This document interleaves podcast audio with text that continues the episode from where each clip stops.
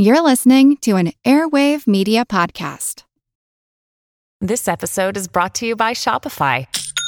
Forget the frustration of picking commerce platforms when you switch your business to Shopify, the global commerce platform that supercharges your selling wherever you sell. With Shopify, you'll harness the same intuitive features, trusted apps, and powerful analytics used by the world's leading brands. Sign up today for your $1 per month trial period at shopify.com slash tech, all lowercase. That's shopify.com slash tech. Another day is here, and you're ready for it. What to wear? Check. Breakfast, lunch, and dinner? Check. Planning for what's next and how to save for it? That's where Bank of America can help. For your financial to-dos, Bank of America has experts ready to help get you closer to your goals. Get started at one of our local financial centers or 24-7 in our mobile banking app. Find a location near you at bankofamerica.com slash talk to us. What would you like the power to do? Mobile banking requires downloading the app and is only available for select devices. Message and data rates may apply. Bank of America and a member FDIC. This is Kick-Ass News. I'm Ben Mathis. Folks, do you enjoy listening to Kick Ass News? Well, then become a part of what I'm doing here and help support the show by going to patreon.com slash kickassnews and making a donation. Your encouragement and support is always appreciated. And now, enjoy the podcast. So you can actually go into a world where you interact with the artificial intelligence. What are the responsibilities when you create a new technology? It's a moral dilemma with themes of playing God and the future of artificial intelligence. If you make something ever more lifelike and they're sufficiently able to mimic human emotion, at what point does it become alive? You have forces colliding here that have far reaching implications. What we're tackling is what really makes us human, and at the end of the day, who will have more humanity, the robots or human beings?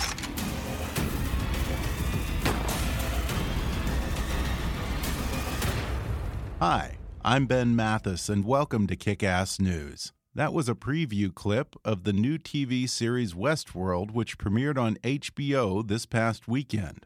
The reboot of the 1973 Michael Crichton sci fi thriller centers on a futuristic theme park inhabited by robots who fulfill customers' wildest dreams. But it all goes horribly wrong when those robots, quite literally, start to have a mind of their own.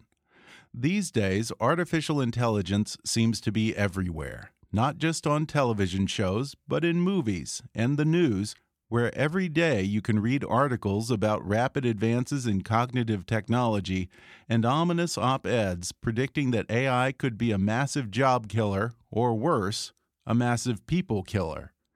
It's come up a number of times on previous episodes of this podcast, including my talk with futurist Professor Michio Kaku. Here's what he had to say about AI. We can now create robots that can beat any human in any of the classical games. However, you cannot go to DeepMind, slap it on its back, and say, Congratulations, you just won this tremendously historic debate. In fact, the computer has no self awareness. It doesn't even know that it's a machine. It doesn't know that it won a game. It doesn't even know what a game is. It's an adding machine, a very sophisticated adding machine that can actually learn a little bit, but we forget the fact it's a one trick pony. It can add. Now, that doesn't mean that in the future we might not have robots as smart as us. I'm just saying that we are many, many decades away from that. Our most advanced robot is called Asimo, built in Japan by the Honda Corporation. But I interviewed the inventor of Asimo, and I asked him how smart is the world's smartest robot. And he was very honest. He said that his creation, the smartest robot on earth, has the intelligence of an insect. The Terminator robot that takes over the world and sets off a nuclear war. That is real science fiction for the next century. Some call it a Pandora's box and warn that it may be man's final invention, the one that will surpass us and then destroy us. But then there's also the potential for AI to greatly ease our burden, taking over the jobs that humans can't do because they're simply too dangerous, as well as the jobs that humans don't want to do. Think about it. What if a computer could handle most of the tedious, time wasting tasks that suck up so much of our day?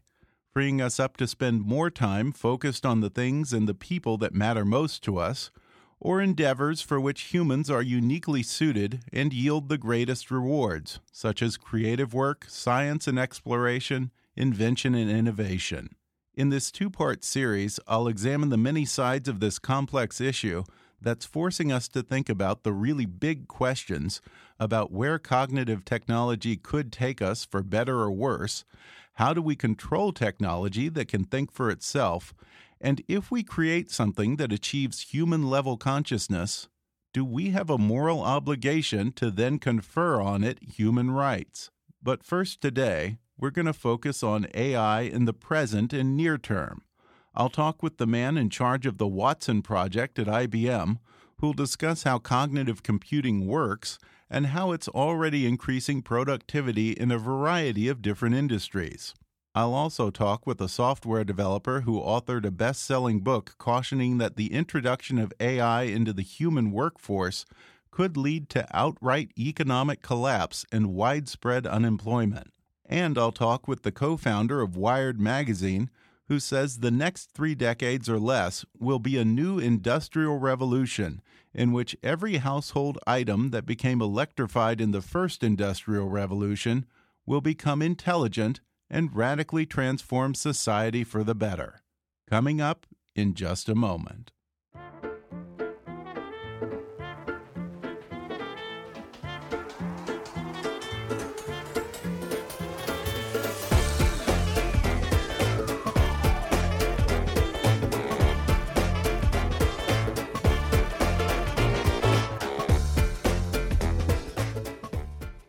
Paganini's 24 Capricci set the standard for etudes for this instrument.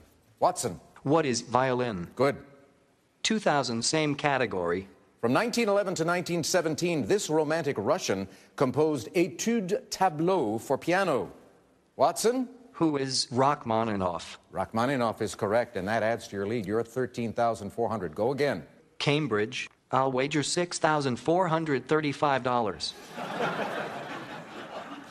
I won't ask. I won't ask. Here's the clue for you, Watson.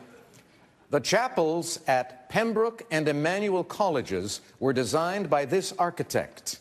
Who is Sir Christopher Wren? You are right, and that adds to your total. You might remember that 2011 Jeopardy tournament in which the reigning human champion, Ken Jennings, was soundly defeated by an IBM computer named Watson. Well, Watson's come a long way in the past five years, and so the first person I wanted to talk to about AI is Dr. Guruduth Banavar. Dr. Banavar, or Guru to his friends, is Vice President and Chief Science Technology Officer for Cognitive Computing at IBM, where he leads a worldwide team responsible for creating the next generation of cognitive systems known as Watson. He brought me up to speed on the progress Watson has made and how software that does the thinking for you is transforming lives and businesses right now. Guru, thanks for joining me. Absolutely. So, first, tell us about Watson. What exactly is Watson? What does he do? We've seen him from the game show, and, and is he a he or a she? Technically, it's a family, I would say. Okay, okay. yes. I'm calling him a he, but yeah. So you know, Watson um, is a family of machines, so to speak, which can help professionals do a lot of things that uh, help them with decision making, with discovery, and with very deep domains that uh, people, you know, work in, like healthcare, like uh, financial services. So when you think about AI, you think about sort of these general purpose agents. But when you think about Watson, think about machines that can help professionals do their job. What type of professions would Watson and AI be able to assist? So let me let me go back to the game show, the Jeopardy show that uh, Watson played on. So that was a question answering kind of a show, as you remember. So as soon as uh, Watson won that show, the first few calls we got were from healthcare professionals who said, "Listen, you know, we always have lots of questions in the context of a patient, in the context of the research that they're doing, and what if you know Watson could answer some of those questions by going through massive amounts of data, massive amounts of reports and and scientific literature, clinical trials, and what have you." And so that became the first area that we applied Watson to. And today we already have an entire business called Watson Health that is focused on applying Watson for supporting practitioners of different kinds, um, whether whether they are clinical trial specialists or physicians or oncologists or radiologists, the entire spectrum of professions that's in the healthcare industry. Down the line, what do you see as some of the other applications that you might be able to use AI in? Yeah, so you know we uh, call Watson as the first instance of a broader category called cognitive computing. And cognitive computing is this partnership between people and machines to do um, what professionals do in pretty much every industry. So you can look at you know financial services industry as an example, and there are financial advisors who usually have to read a lot of materials, ingest a lot of data before they can give advice to their clients. Watson could potentially help them with you know first of all, ingesting all of the reports and articles and the financial data that's out there, but also understanding risk appetites for specific individuals and providing a few options that the financial advisor can um, can then propose. But it's not just financial advice; it's also on the compliance side. You know, financial institutions have to do a lot of compliance-oriented activities.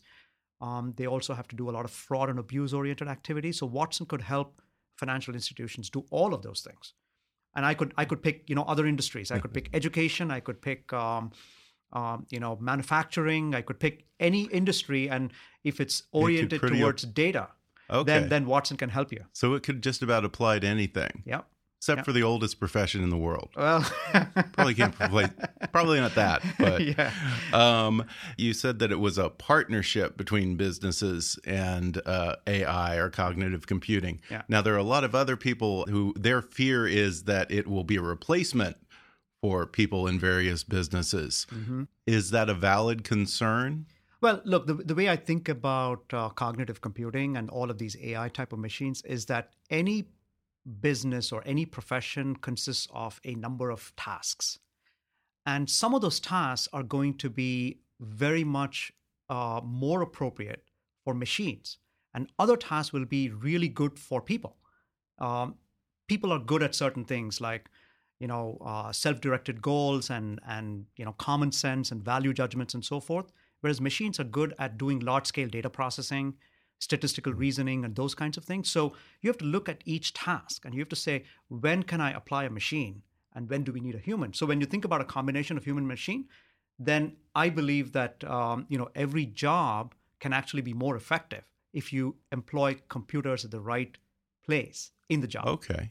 And how does artificial intelligence work? Is it just a matter of you program it with an infinite number of scenarios and answers, or is it actually thinking for itself? So, you know, fundamentally, many of these uh, machines are learning from data. So they are fed examples of different scenarios and they learn from that data and they create internally they create a set of you know models or rules about how to operate with when different kinds of data are presented um, and and there's also cases where there's got to be some reasoning algorithms that have to be plugged in uh, for making decisions. For example, you know, you if you look at certain kinds of data, there's certain kinds of decision options that become available, and so forth. So it's a combination of learning, reasoning, and ultimately it's about interacting with people using things like natural language and speech gestures and so forth. So it's a combination of these learning, reasoning, and interaction. Can uh, Watson or some type of artificial intelligence computer basically have access to the data through the internet and start operating on its own based on those algorithms? Well, as I said before, it depends on what is the question you ask the computer right. or what is the task you give the computer right yeah. so you can give a task for example you could give, you could say find me all the articles relevant to immigration um, and you know watson could go off and find many articles from wikipedia from new york times from economists from everywhere and digest it for you and give you a kind of a you know uh, a summary of uh, research uh, on the topic of immigration and let's say economy or something like that but that's not to say that you know watson has gone off and done something on its own you asked watson to do something right. for you and so watson comes back and then you can use that information for whatever you like what's the difference between where what you're talking about yeah. and let's say watson being able to do research on immigration through the internet and make a recommendation on immigration policy, for well, instance. Look, I mean, if if if some policymaker wanted to get what the data was on the impact of immigration on the economy, I think Watson would be a great tool to do that research. But at the end of the day, the policymaker has to make the final decision, looking at all of the options that were provided by Watson, hmm. right? So, what I think of Watson is a decision support system. It's not a decision maker, but it's a decision support system. And the person who is working with Watson has to make the decision at the end of the day. In terms of the amount of power and information between Siri on my iPhone right now and Watson, what are we talking about? Well, look, Siri can do some very simple day to day tasks. What we're talking about with Watson is doing professional level tasks. And that means you know doing things like radiology or doing things like uh, you know research on immigration or doing things like financial services advice and so forth that requires a huge amount of data which you obviously cannot fit on a phone it has to be out in the cloud. And there's a lot of reasoning algorithms that also have to be out in the cloud to get access to all of that information and then summarize it. But of course, you know, all of that ultimately can be accessible through your phone. Uh, you can have an application which connects to the cloud and leverages okay. Watson. Oh, interesting. So I would be able to access Watson through my phone Absolutely. or any any device. Exactly. And is there there's a physical computer I assume then at somewhere. How big yeah. is the actual computer? Well, Watson or does is, it depend? Well, you know, Watson is now in the cloud. The now in the cloud. Okay. So uh, it's it's actually distributed in, in in and it's available in any part of the world pretty much. Okay. You know, we have projects going on in Asia, in Australia, in South America, you know, in Europe, of course, in North America, all of these places. So Watson is in fact a set of services that's available in the cloud. It started off by being, you know, five years ago when we did the Jeopardy match, it started off by being a very large, you know, supercomputer, which was consuming 85,000 uh, watts, um, right, of, of energy and so forth. But now it's been broken into smaller components that can be recombined for different applications and accessed from anywhere uh, on the planet. How far are we with AI from, in theory, AI achieving the singularity, which is basically self awareness? Yeah. Well, you know, my opinion is that the practical applications. Actually, let AI, me back up. Okay. Let me ask you: How would you define the singularity? I think singularity is a point at which machines become better than humans in terms of their general intelligence. Um, as in, you know, they they are able to do anything better than any human. Okay. Okay, that's the point at which it's called uh, singularity. Okay. Right?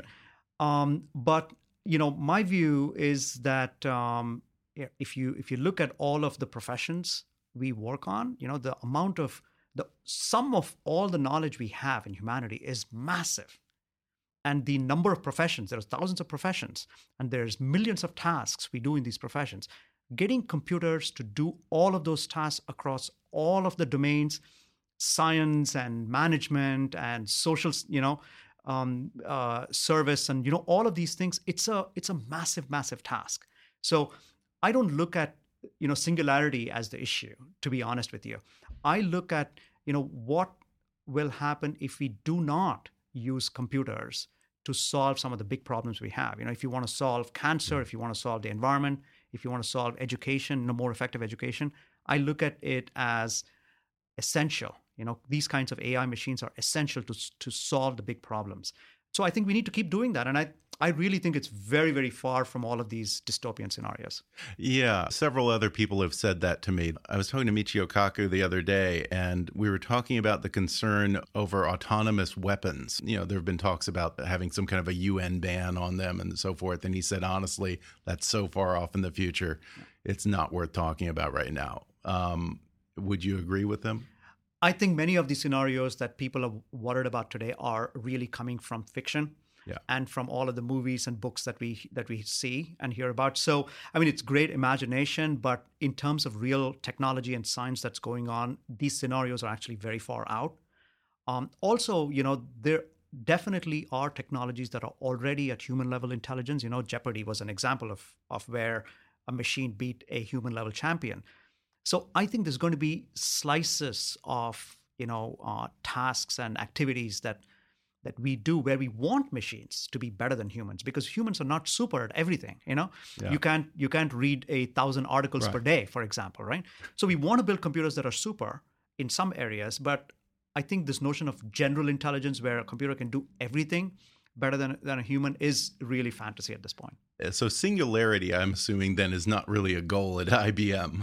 absolutely not. It's the, the goal is really to address the big challenges that humanity is facing right? The like i said the healthcare challenges mm-hmm. the education you know environmental challenges. Those are the practical applications. I think we are already seeing progress and we are applying in very concrete scenarios that people are seeing benefits from. So that's where we will keep pushing it. Okay. Now, is there the possibility that we could stumble on to singularity? Well, look, you know, scientific discovery is unpredictable by its nature. Okay, so you know, we we we have in the last five years, I think, discovered a lot of great algorithms that can that can do things with data that we never thought was possible. So, you know, I look forward to actually finding algorithms that can help us understand human knowledge better. Um, so, you know, there, there are many things that um, you know that that I believe cognitive computers should be helping us do, and I hope we can discover those things soon. Uh, when I first got my iPhone, I started, you know, as everyone did, we would sit there and mess around with Siri and just throw crazy questions out at her. Yeah. Um, do you ever ask Watson, uh, you know, what is the meaning of life or Oh anything? yeah, oh What- yeah. If you ask have, Watson, yes, what would we he have, say? We have gotten forty-two, I guess. but no, I'm just kidding. um, but um, but look, you know, we we do test Watson on some pretty you know difficult scenarios, uh, and you know, many cases, i- i- you know, there there is data to find the answers to the crazy questions we ask, and in many cases, there aren't. There isn't enough data to find the answer. So, you know, we have to realize that there are limits to these computers, and because they are as good as the data. Not enough data in the world, huh? Exactly. Wow. Okay. um, where do you see uh, Watson going from here in the next, say, 10 years? Yeah, you know, my vision is that every professional on the planet, and we're talking about a couple of billion people, will have a cognitive assistant like Watson to help with their day-to-day task, right? So, you, I mean, you talk about Siri as a personal assistant uh, for you, but imagine that you also had a professional assistant who is helping you do your work every day. And that requires a very different kind of a, a, a computing system because it needs to understand what do you do for work, what is the knowledge behind it, you know, how do you get trained for it, you know, what is considered good, um, meaning you know uh, a- professional level you know result or outcome for the work that you do. And imagine the thousands of tasks, thousands of professions like that uh, in the world. So I would like Watson to be available to every professional and help them do their job every day. Uh, does it ever bother you when people compare Watson to Siri? It, it, it, does it because they're not even in the same league. They're not even in the same league. Yes, right. Well, that's very exciting.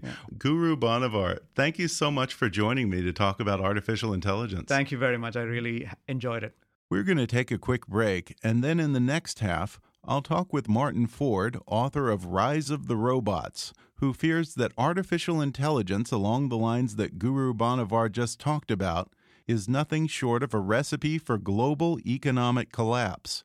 And then I'll talk with the co founder of Wired Magazine, Kevin Kelly, who says AI won't replace humans, but instead it'll work as a partner for humans that frees us up to focus on the things we want to do and the things that humans do best. When we come back in just a moment. Hey, folks, do you like reading but find it's getting harder and harder to make time to curl up with a good book? Well, there's a solution. Give audiobooks a try. They're perfect for your commute to work or working out at the gym, a relaxing bath, or any time really. And right now, you can take an audiobook for a spin with a special promotion just for our listeners from audible.com. Just go to audibletrial.com slash kickassnews to get a free 30-day trial and download any of Audible's 180,000 titles entirely for free. That's audibletrial.com slash kickassnews or click on the sponsor link on our webpage to download the free audiobook of your choice. And now back to the show. My next guest says we're fooling ourselves if we think the kind of cognitive technology being pioneered by Guru Banavar is going to create as many jobs as it replaces. Martin Ford has more than 25 years of experience in computer design and software development, and his New York Times bestseller, Rise of the Robots Technology and the Threat of a Jobless Future, won the 2015 Financial Times McKinsey Business Book of the Year award. He's alarmed that artificial intelligence could threaten jobs far beyond the manufacturing sector and lead to an economic disaster. Machines, computers, in a limited way, are now beginning to think. You know, they're taking on cognitive capability. It's not just about mechanical processes or muscle power, it's now about brain power. Uh, and this is something that's really entirely new and it's much it's much broader than it, it has been in the past. You can point to examples like like computers that did computation in the past, but now we've got machines that are truly beginning to think in a, in a broader sense, and you know that's really quite disruptive. And I think that that where it leads to is that we're going to get to the point where nearly all of the routine, repetitive, predictable work in the economy is is going to be automated, and that's going to have just an enormous impact on the number of jobs and the type of jobs that are available. Um, what kind of time horizon are we looking at for robotics to become relatively pervasive? In other words, how long do we have to look for a new job? Well, I tend to think in terms of a 10 to 20 year time frame, in terms of this really becoming unambiguous and obvious and and potentially disruptive. Um, but really, that's a guess. Uh, mm -hmm. And uh, in many ways, I think it's a fairly conservative guess. I think that I have certainly talked to people that are involved in these technologies, and particularly not so much robotics, but machine learning. You know, the the advances we're seeing in artificial intelligence, where these algorithms are getting better and better at learning. Uh, if you talk to some of the people involved in those technologies, they're thinking it could be more in the five to ten year time horizon. Um, so it's entirely possible that all of this could happen before long before we expect it, and and certainly long before we are in any way prepared for it. Are we looking at large scale unemployment, societal unrest, maybe even riots? I mean, I mean that's far... a possibility at some point. There's a range of possible outcomes here. Certainly, mass unemployment is one possibility, especially if this unfolds at a rate that is maybe faster than what we're ready for, and if we're totally unprepared, that you, you can't rule out that that possibility. Um, a, a, less extreme possibility is that we just see a continuation of what we see now, which is that average people have got stagnant wages. Average people are often underemployed, where they, they do have a job, but they don't get enough hours, or the job that they can find doesn't really utilize their skills and so forth. So we could see that that worsen. That would be a sort of a tamer version of this. So, um, but it, however it works out, um, it's not going to be good in terms of the impact on on society and um, in terms of the, the, the political response that you're going to see. So. I, I do think that we're going to see people more and more disenfranchised, people more and more angry, and uh, that can lead to all kinds of bad things.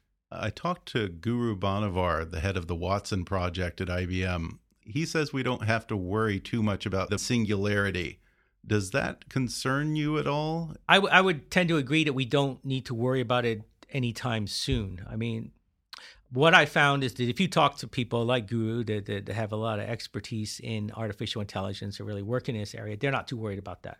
The people that have spoken out, um, you know, warning us that, that super intelligence is going to be an existential threat, the machines are going to take over. Um, there have been people like Stephen Hawking and Elon Musk very smart right. people, very prominent individuals, but not doing actual research in artificial intelligence, right? Yeah. So they, I think if you talk to the people actually working in AI, they tend to be a bit more humble. Uh, having said that, you know, I don't think it's a silly concern. It's not ridiculous. It shouldn't be not something we should laugh at. Um, someday it may be an incredibly important issue. I mean, obviously, uh, if you talk to people working in artificial intelligence, they do believe that eventually we will build a machine that can think like a person. And if that happens, that's, I mean, that's going to be incredibly disruptive. I mean, as Stephen Hawking said, that will be the biggest thing in human history, and I think that's not that's not wrong. Uh, at that point, there is a whole can of worms there that that opens up. Um, Uh, so it's not, I, you know, Elon Musk, for example, has has donated a lot of money to set up think tanks that are thinking about this issue, and mm-hmm. I, I don't think that's a bad thing. I mean, yeah. it's something that we should be giving some thought to. I don't think that it's a major issue for society that we should be dumping all kinds of resources, you know, as a society worrying about that. But certainly, if Elon wants to set up think tanks to engage in that, I think that that's a positive thing because someday it might be 30, 50, 100 years from now. Maybe that is going to be an existential issue. I ran all of this by another tech expert named Kevin Kelly. He's the founding executive editor of Wired Magazine. He still holds the title of Senior Maverick at Wired and writes and lectures about the future of technology. In his newest bestseller called The Inevitable Understanding the 12 Technological Forces That Will Shape Our Future, he talks extensively about the potential upside of AI over the next 30 years. In fact, he says he can't wait for artificial intelligence. Well, I read uh, the book by Martin Ford, uh, Rise of the Robots, which painted a pretty grim view of robotics and AI as half the world is going to be out of a job. You say, however, that we're going to welcome robot replacement. How will it come about that we embrace robotics and AI? So, um, what robots and AIs are really good at is optimizing things for efficiency and productivity. It's to take known things and to just do them to perfection. Any aspect or any task we can possibly imagine, whether it's physical or mental, where efficiency or productivity is of importance, that goes to the bots. And that's like, you know, counting money as a cashier. And this is a job no human should be doing. We'll be embarrassed in 100 years from now that humans actually had to sit and count money. That seems like ludicrously insane. And it relieves us because we didn't like those to begin with. A lot of the jobs that politicians are fighting over are really jobs that nobody is getting up in the morning saying, I can't wait to do this. those are the jobs and tasks that go to the robots and they're and they're liberating because we don't have to do them. So then what jobs does that leave for us humans? What we're left with are the kinds of things that either we're doing for the very first time or initially in the very, very beginning. We don't know how it is, we don't know what's happening. These are jobs that are by definition or tasks that are by definition inherently inefficient. Exploring, exploring is inefficient. Science is inefficient. Innovation is incredibly inefficient because you're going from one failure to another. You're trying out stuff. There's dead end, trial and error. The error part, it's about failure. The failure is by definition inefficient. So there's a huge inefficiency in the kinds of things that we like most. And it's not just intellectual stuff. Like human relationships are by definition inefficient.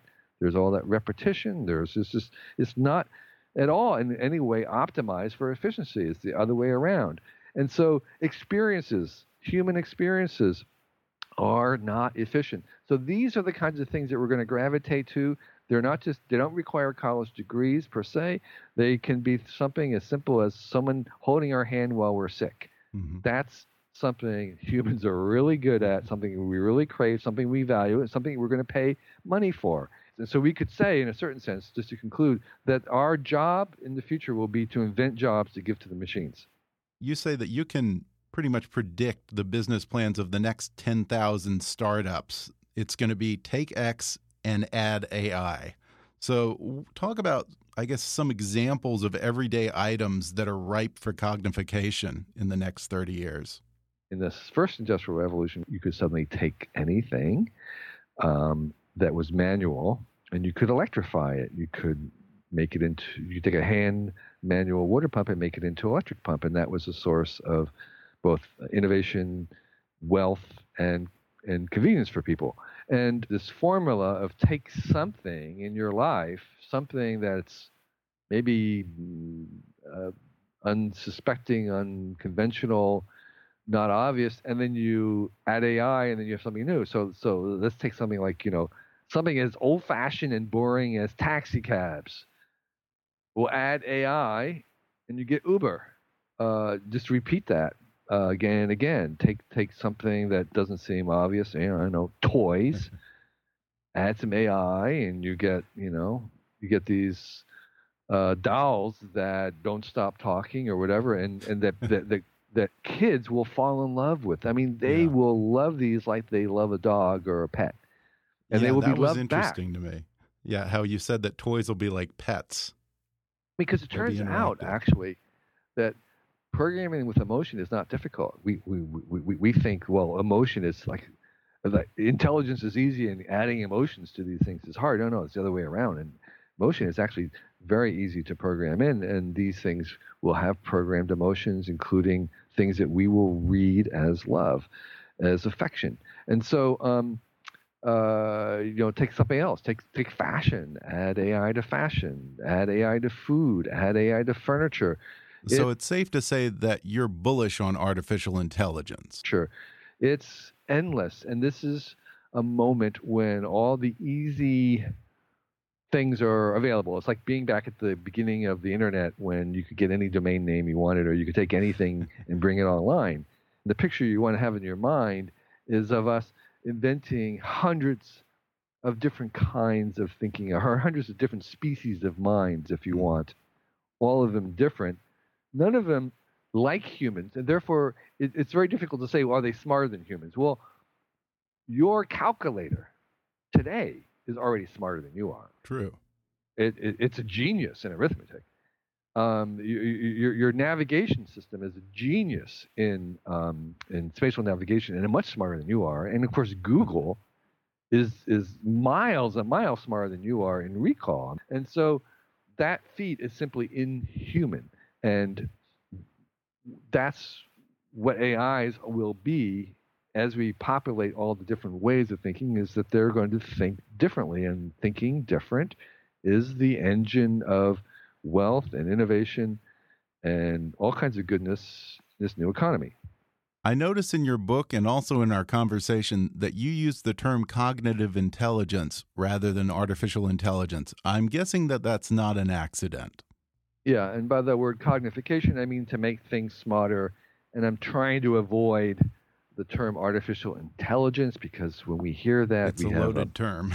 a lot of preconceptions. We, we imagine a human intelligence. And what I want to stress is that a lot of this artificial smartness is not human like. That's one of the main reasons why we want it. it, is because we want it in our car driving our cars because it's not going to be distracted like a human mind is. It's going to really focus on on driving much better than a human. You use the example of the chess match between Garry Kasparov, a former guest of the show, and IBM's Deep Blue, and what happened after that as an appropriate example of how humans and AI will get along down the road. So Kasparov was the world's best chess champion, and he was pitted against the best AI at the time, which was something called Deep Blue by IBM. In a famous match, Kasparov lost, and it was for many people it was a real shock. Kasparov complained after losing. He was shocked too. After losing, he complained, saying, "You know, it was kind of really unfair." because Deep Blue had access to this database of every single chess move that ever been played. And Kasparov said, "Well, if I had had access to that same database, I would have been, I would have beat beat Deep Blue." And so he decided to create a chess league where you could play any way you wanted, including playing with that database, or you could just be an AI playing as an AI, or you could be a, a human. And uh, in the last three or four years, the best chess player on the planet is not an AI, and it's not a human.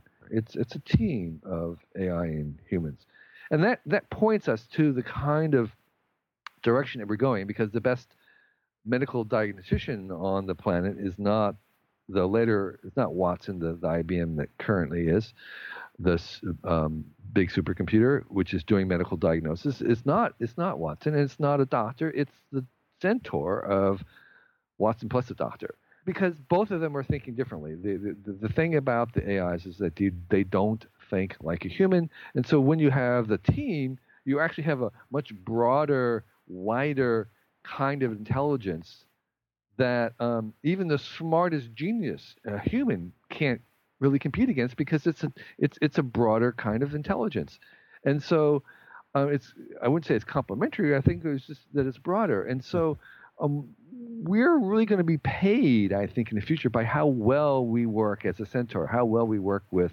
with these things rather than against them, and um, there will be problems, difficult problems in business and in science that are just really simply probably not able to be solved by human thinking alone, that it will require this broader kind of intelligence. In the next 30 or so years, is it pretty safe to say that AI will be pervasive and even an essential part of our daily lives? This kind of power, this artificial intelligence, this artificial smartness will become, or kind of already is becoming, a commodity, a utility, like electricity. You know, in 30 years from now, people will look back at this time, 2016, they'll say, oh my gosh, I wish I could have been alive and young and full of ideas and energy and knowing what I know now because everything was right there before them. Um, this would have been the time, 2016, to to start these things because yeah. we're at the ground level of this second industrial revolution. It's like being present at the moment when electricity and motors were first coming. And you could think, what could I have done? Imagine what I could have done there. And so here we are. Well, Kevin Kelly, thanks so much for taking time to talk to me about artificial intelligence. Hey, it was a real pleasure. Thanks for asking great questions. Later this month, I'll have an entire episode with Kevin Kelly in which we talk about his new book and the many ways life will change in the next 30 years, covering AI, virtual reality, and societal and economic trends such as consumers' shift from ownership to access, and a world in which we're in a continual state of gradual advances and constant upgrades to both our technology and ourselves. But in the meantime, we're going to stay on the topic of artificial intelligence on the next podcast. In part two on AI, I'll talk with Professor Nick Bostrom of Oxford University, who authored the book Superintelligence, which has become standard reading for anyone interested in artificial intelligence. And I'll also talk with Seth Baum, director of the Global Catastrophic Risk Institute. They're two of the prominent thought leaders in the discussion of artificial intelligence, and they're warning that scientists need to approach AI with caution because they say once it's unleashed, it may evolve faster than we think and in ways we never imagined. Then, I'll talk with the creators of AMC's drama series Humans about how their show envisions what life would be like in a world with conscious artificial intelligence, and the moral dilemmas both for the AI creators and their created, not the least of which is this if we create technology that achieves human consciousness, is it then entitled to the same rights as human beings? Coming up in the next episode. If you enjoyed today's podcast, then you can order Martin Ford's book, Rise of the Robots, and Kevin Kelly's book, The Inevitable, on Amazon. I'll include links in the show notes and on our website, and you can also download the audio versions of their books for free through that special trial offer just for our listeners from audibletrial.com slash kickassnews. Visit Martin Ford's blog at econfuture.wordpress.com. Kevin Kelly's website is kk.org, not to be confused with kkk.org. And if you're interested in IBM's cognitive solutions, including Watson, visit ibm.com/cognitive. On Twitter, follow Kevin Kelly at, at Kevin number two Kelly, Martin Ford at, at mfordfuture, and Guruduth Banavar's Twitter handle is at Banavar, B A N A V A R. Be sure to subscribe to Kickass News on iTunes and leave us a review while you're there. And if you really want to help out, then donate to our GoFundMe campaign at gofundme.com slash kickassnews. Or if you prefer, you can set up a recurring monthly contribution at patreon.com slash kickassnews. You can visit Kickass News on Facebook or follow us on Twitter at, at KAPolitics. And please be sure to recommend Kickass News to all your friends on your social media. As always, I welcome your comments, questions, and suggestions at comments at kickassnewspodcast.com. But for now, I'm Ben Mathis, and thanks for listening to Kick Ass News.